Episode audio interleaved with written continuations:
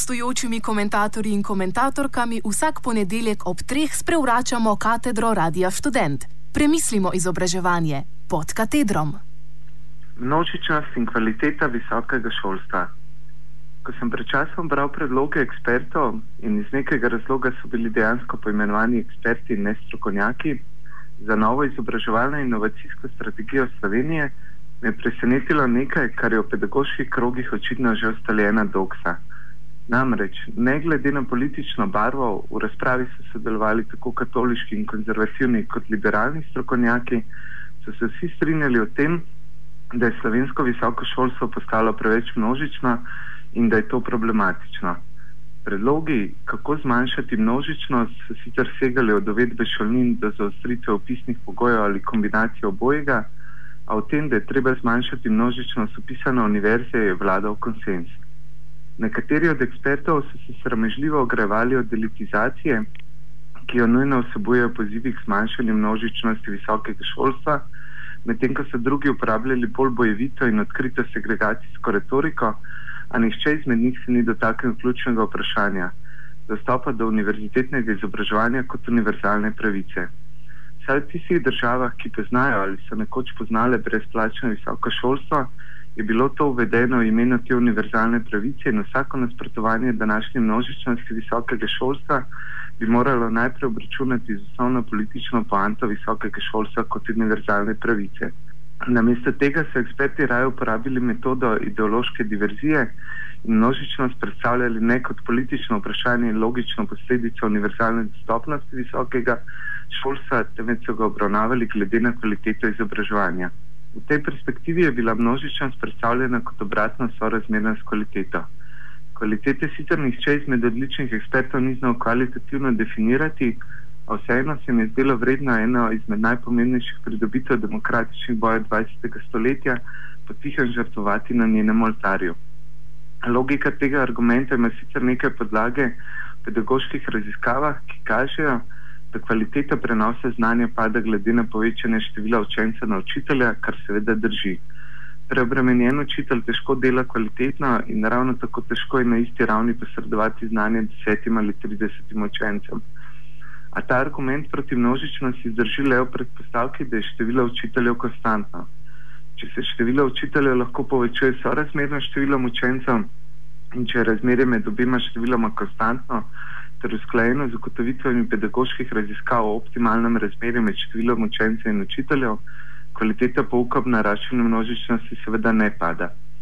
Predpostavka o obratnem sorazmerju med množičnostjo in kvaliteto izobraževanja torej eksplicitno ali implicitno temelji na logiki vrčevalnih ukrepov in ne na logiki dejanskih človeških potreb.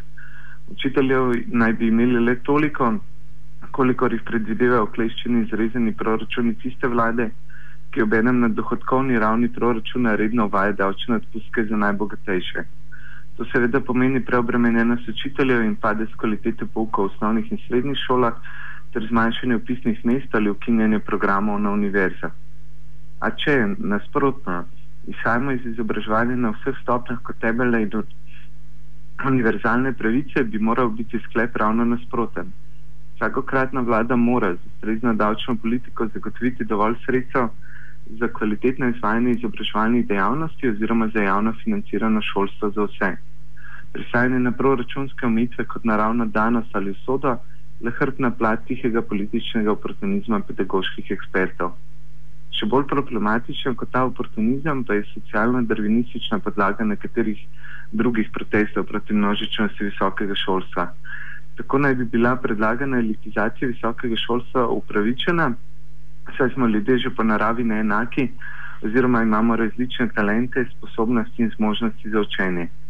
Šolski sistem naj bi tako deloval kot nekakšen družbeni filter, ki le preverja in krepi prirojene sposobnosti posameznika, ter ga na pravi točki, ko naj bi njegove funkcije ne bile več na ravni zahtevnosti izobraževalnih programov, izloči. Družbena funkcija šolstva naj bi bila tako družbena ustreznica naravne selekcije, in do najvišjih stopenj izobraževanja bi prišli le najinteligentnejši in najsposobnejši.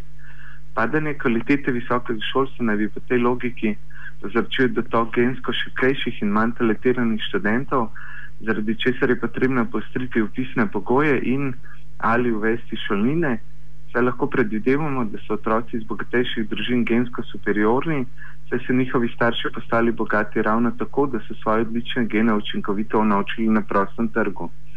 Povečanje kvalitete visokega šolstva bi tako po, postalo avtomatičen rezultat negativne družbene selekcije in onemogočanje dostopa do visokega šolstva in onemogočalo dostop do visokega šolstva lenuhom, poprečnežem in nesposobnežem.